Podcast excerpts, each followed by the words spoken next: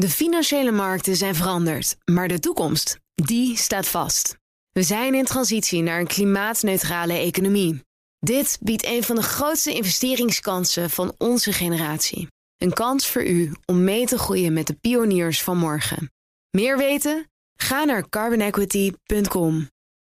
Carbon Equity. Do good by investing better waarde van 26 miljard dollar. En beleggers zijn bang voor een nieuwe corona-uitbraak. En dat is goed te merken op de beurzen. Dat en meer in het beleggerspanel van vandaag. We staan uit Koen Bender van Mercurius Vermogensbeheer. En van een afstandje Mary Pieterse-Bloem, lid van het ABN AMRO Beleggingscomité... en bijzonder hoogleraar Financiële Markten aan de Erasmus School of Economics. Mijn zakenpartner is Jacqueline Smit, oprichter van Rockport Inc. Welkom, dames en heren. Miri, hebben wij ook contact? Mooi zo, heel goed om te horen. Dan uh, mag jij beginnen met jullie laatste transactie, want dat is uh, de traditionele opener van dit panel. En wie bedoel je met jij, Thomas? Miri, jij mag beginnen. Ja, ja, zeker, zeker, zeker. Oké, okay, prima.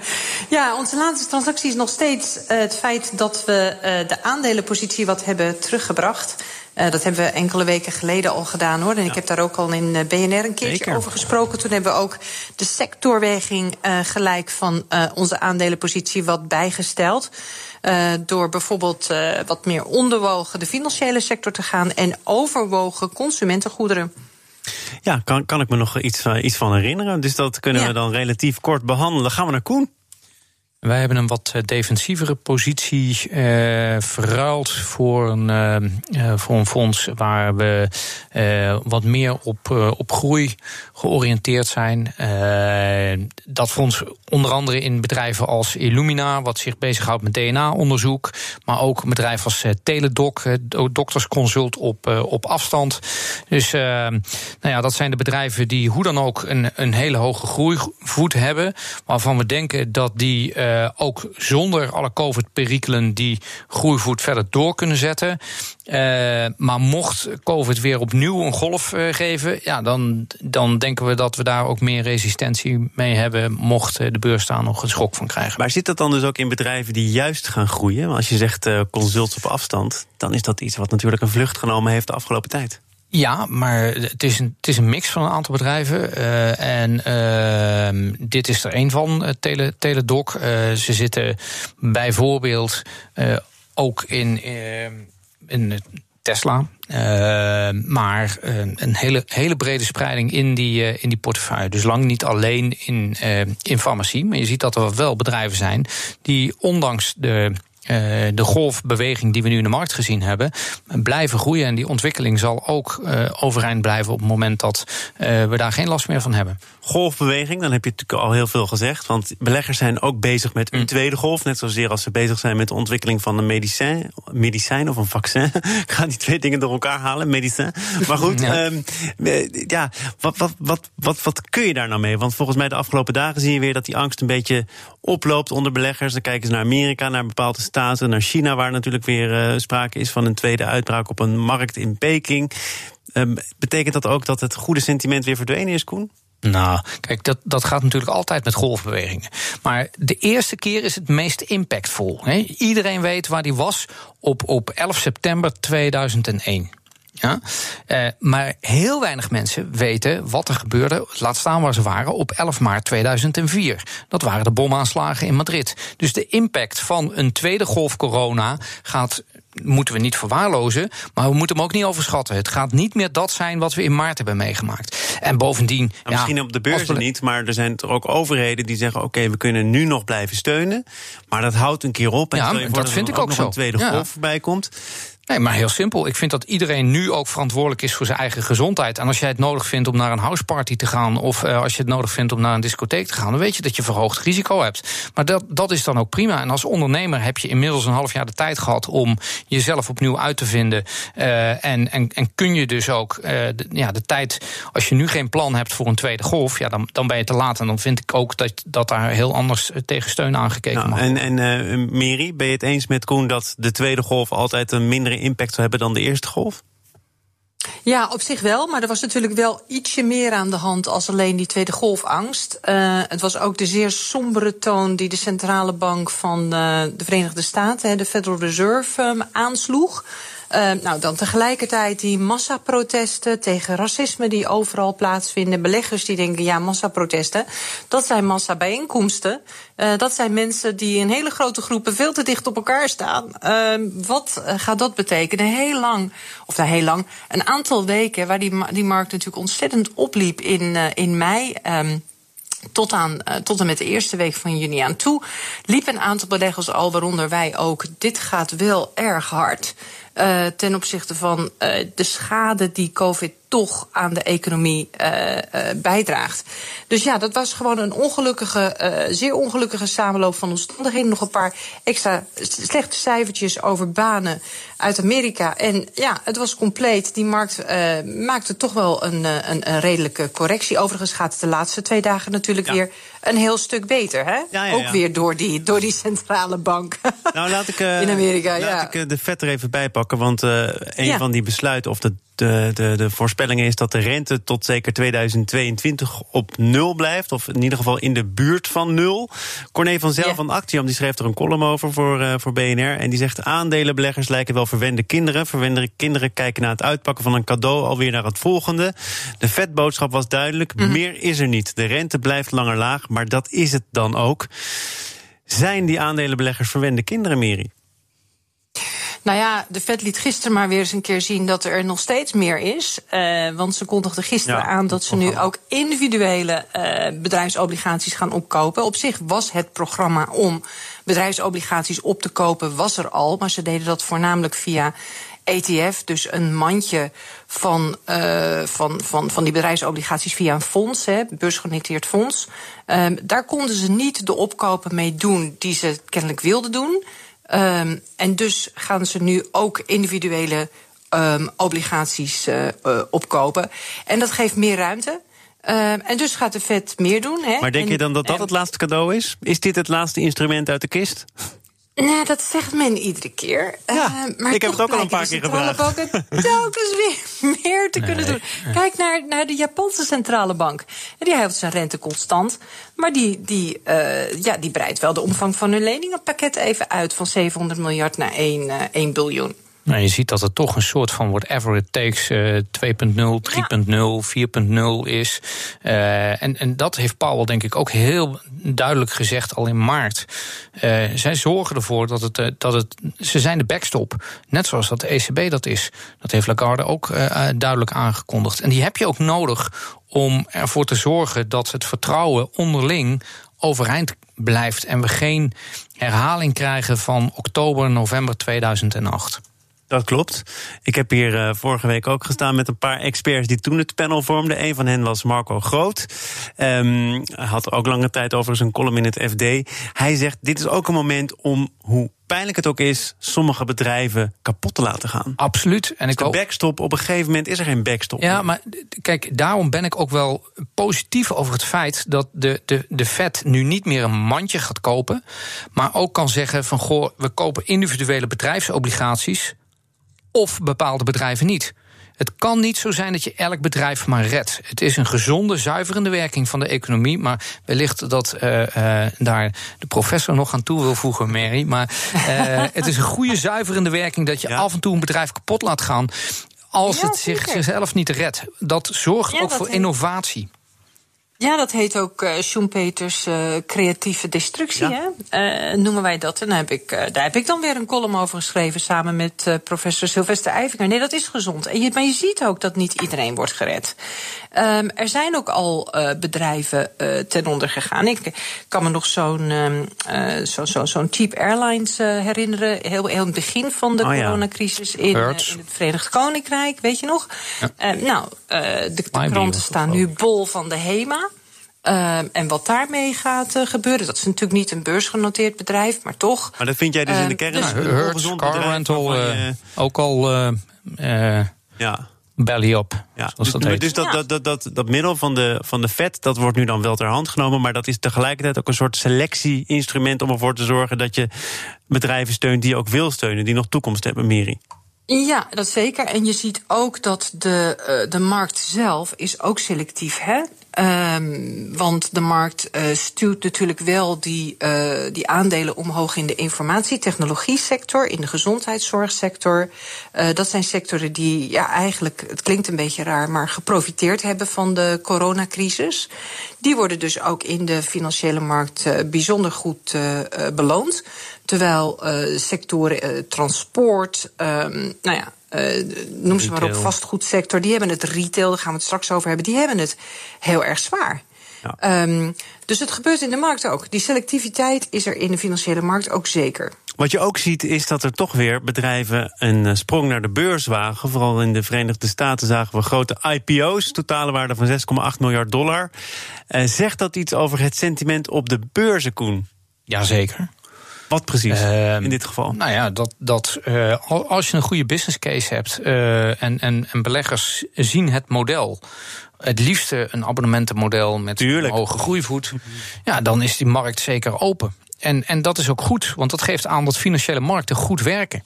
En, en dat bedrijven, dat beleggers ook niet de angst hebben om niet te investeren, maar dat ze uh, in de juiste omstandigheden zeker uh, het gepast vinden om geld te investeren. En het is wat Mary net ook zegt, hè, het is een de, de, discriminerende rally. Ja, tot nu toe. En dat betekent ook dat er nog ruimte naar boven toe is. Wat als de afboekingen die we nu ingeschat hebben bij uh, ING, bij ABN AMRO, minder gaan zijn dan dat we in eerste instantie gedacht hadden. Dan is er ruimte naar boven toe. Maar je zegt discriminerende rally, dat wil zeggen niet ieder bedrijf profiteert hier in dezelfde mate van. Maar de bedrijven die niet profiteren, dat zijn de sectoren die we toch net al noemen, bijvoorbeeld retail. Ja, ja. Die, nee, ja maar dat, dat is ook. de vooruitzichten toch ook niet buitengewoon uh, positief over? Nee, het ligt aan welke retail, hè, want er, zijn duidelijke verschillen in. Maar uh, ja, een airline bijvoorbeeld, schiet mij maar lek. Ik snap niet waarom een bedrijf als KLM Air France uh, uh, beleggers weet te vinden die, die, die denken dat er winst gemaakt gaat worden de komende tijd. En dat dat uitgekeerd kan gaan worden aan beleggers. Zaken doen. Thomas van Zeil. Het beleggerspanel is in de studio en voor een deel ook van een afstandje tot ons. Miri Pietersenbloem, lid van het ABN AMRO Beleggingscomité... bijzonder hoogleraar Financiële Markten aan de Erasmus School of Economics. Koen Bender van Mercurius Vermogensbeheer... en mijn zakenpartner is Jacqueline Smit van Rockport Inc. Als we het over de retail hebben... dan komen er volgens mij deze week ook weer cijfers naar buiten... over de detailhandelsverkopen in de Verenigde Staten. Miri, is dat iets waar je uh, veel waarde aan moet hechten op dit moment? Nou, dus het is natuurlijk elke uh, datapunt is er eentje hè, uh, die ons een indicatie kan geven van uh, wat er werkelijk in de onderliggende economie gebeurt. En dat is in het geval van de detailhandel natuurlijk ook zo. Uh, dat, we, dat we goed kunnen zien wat er in die, uh, ja, wat er in die specifieke sector. Uh, dus dat gaat over, dat gaat over kleding, dat gaat over supermarkten, dat gaat over al dat soort bedrijven.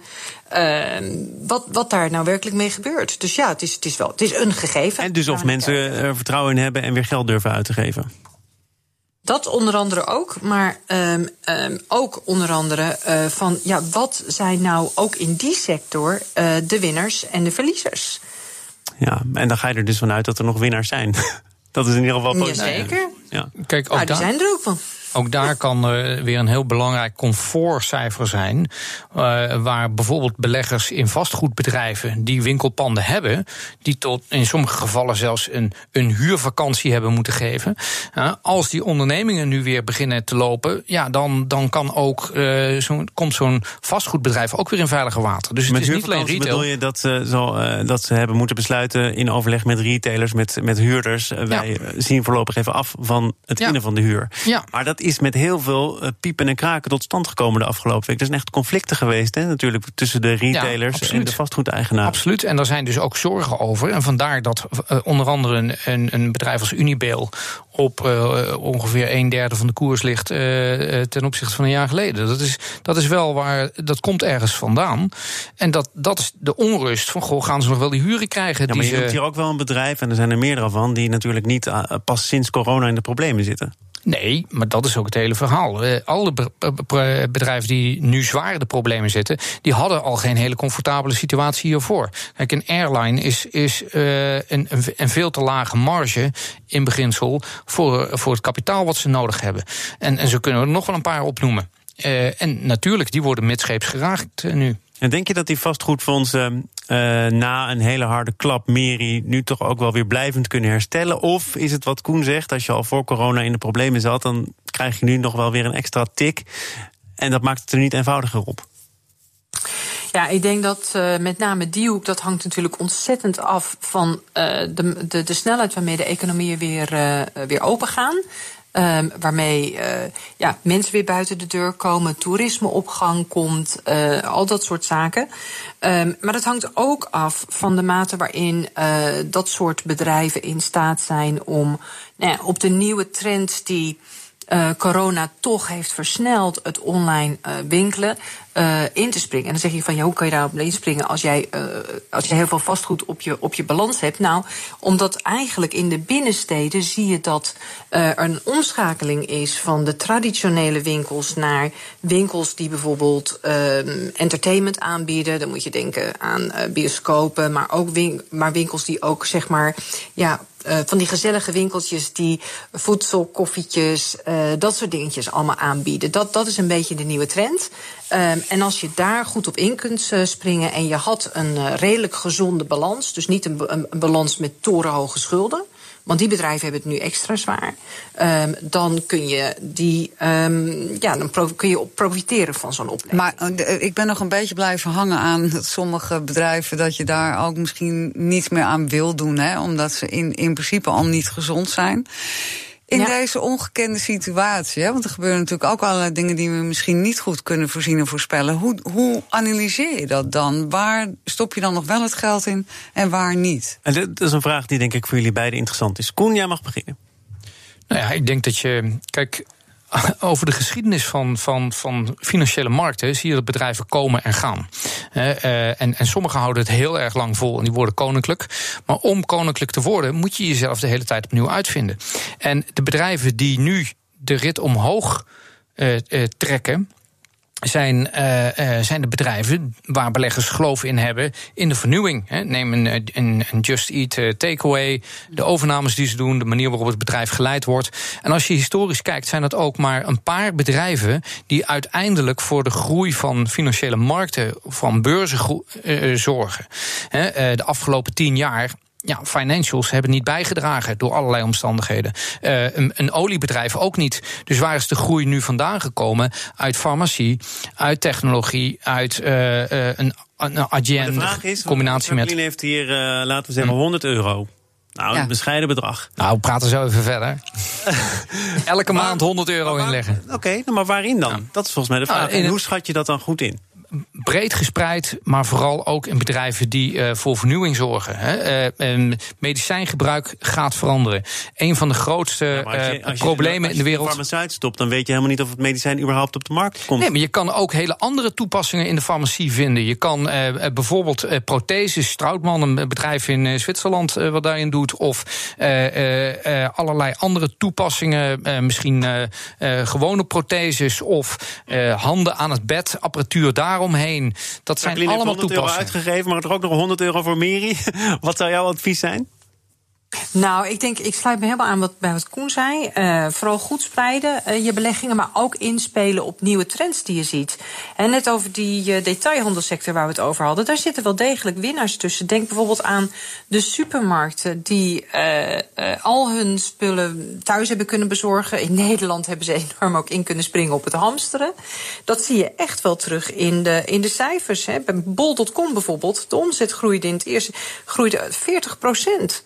Uh, de resultaten van, uh, van Albert Heijn. Uh, online salesgroei van 30 naar 50 procent in Amerika.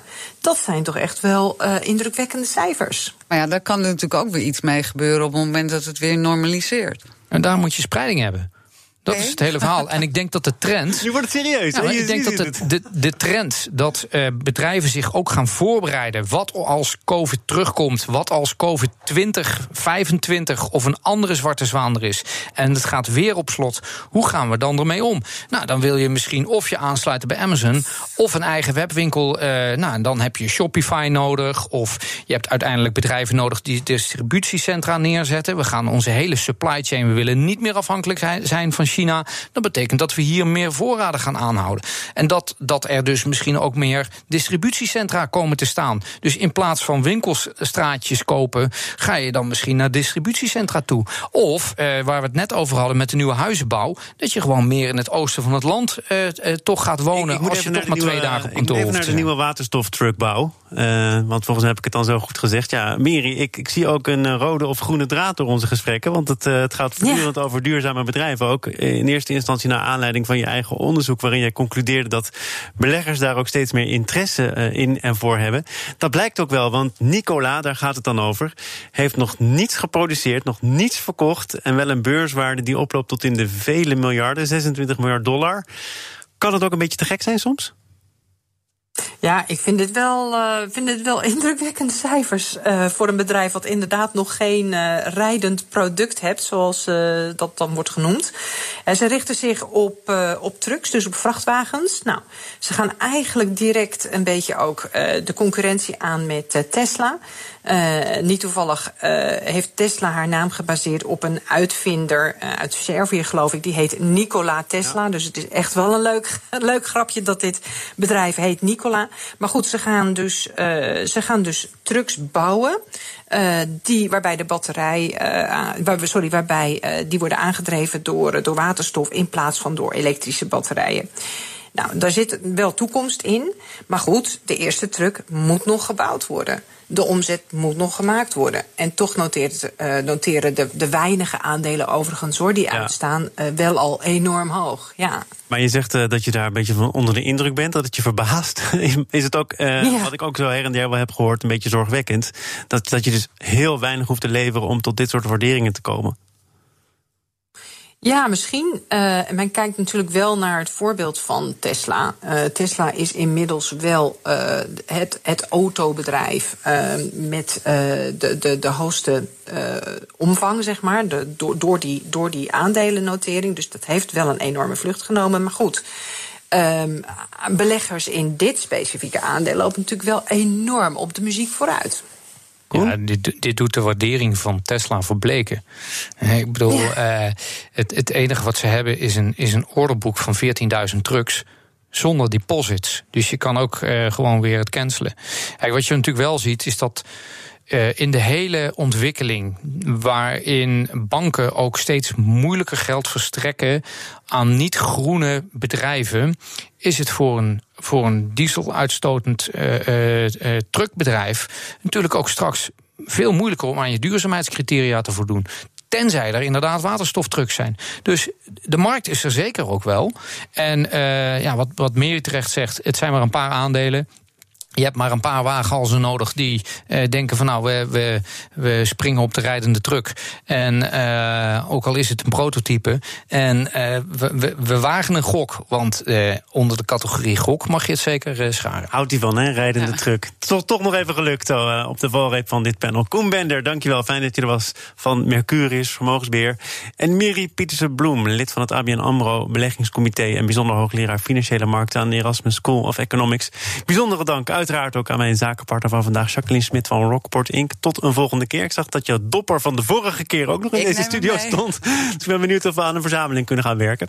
Morgen dan is Emily Koordenker te gast. Hij is de directeur van het Van Gogh Museum.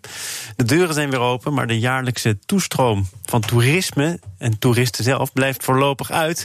Morgen hoor je hoe het museum die klap gaat opvangen in BNR Zaken doen. Zometeen eerst Nieuwsroom, de dagelijkse podcast van het FD en BNR, gepresenteerd door Martijn de Rijk. Veel plezier, tot morgen. De financiële markten zijn veranderd, maar de toekomst, die staat vast. We zijn in transitie naar een klimaatneutrale economie. Dit biedt een van de grootste investeringskansen van onze generatie. Een kans voor u om mee te groeien met de pioniers van morgen. Meer weten? Ga naar carbonequity.com. Carbon Equity. Do good by investing better.